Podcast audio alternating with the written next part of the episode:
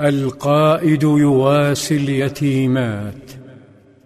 قالت زوجة سعد بن الربيع يا رسول الله هاتان ابنتا سعد قتل أبوهما يوم أحد شهيدا وإن عمهما أخذ مالهما فاستفاءه فلم يترك لهما مالا.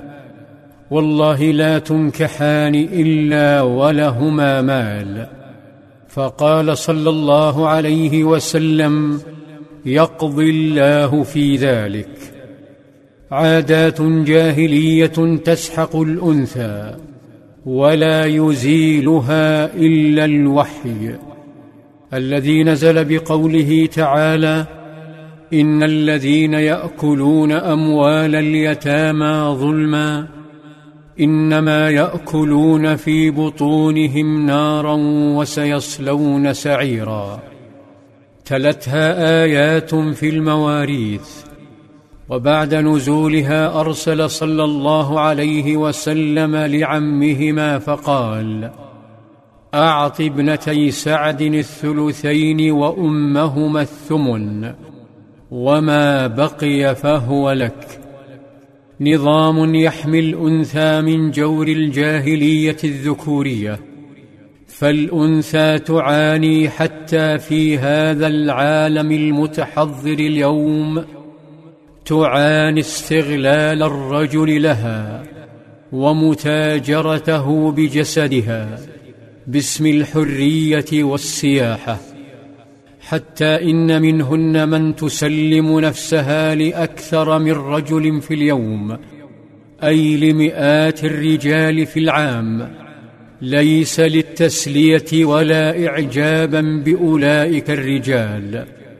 ولكنها لقمة العيش المر التي يتحكم بها الرجل.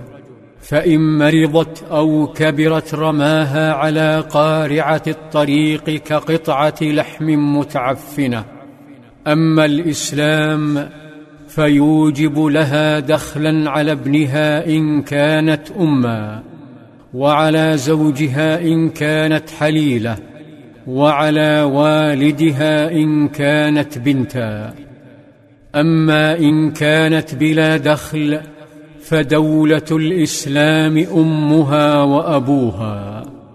فهذا النبي القائد صلى الله عليه وسلم يقول أنا أولى بكل مؤمن من نفسه من ترك مالا فلأهله ومن ترك دينا أو ضياعا فإلي وعلي. الإسلام لا يعتني بالأنثى شابة ويرميها في الأزقة والملاجئ حين تحدودب بل عندما تكبر يكبر قدرها تصبح الجنة عند قدميها يصبح الإنفاق عليها جهادا وعلاجها عبادة وحملها عبادة. وهمز قدميها الضعيفتين عبادة ورسم الابتسامة على تجاعيدها الحبيبة عبادة ولا ينقطع البر بموتها يظل وارثا دعاء وصدقة. أما في غير الإرث كالعطايا والهبات فالفتاة تنال كالفتى.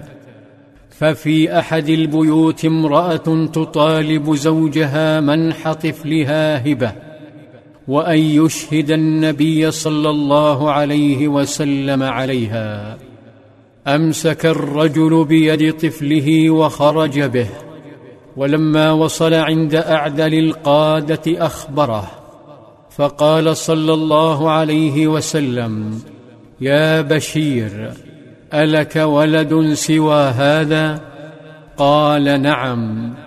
فقال صلى الله عليه وسلم اكن لهم وهبت لهم مثل هذا؟ قال لا. قال فلا تشهدني اذا فإني لا أشهد على جور. لن تجد الفتاة أعذب من محمد صلى الله عليه وسلم وهو يقول من ولدت له ابنة فلم يئدها ولم يهنها ولم يؤثر ولده عليها أدخله الله بها الجنة.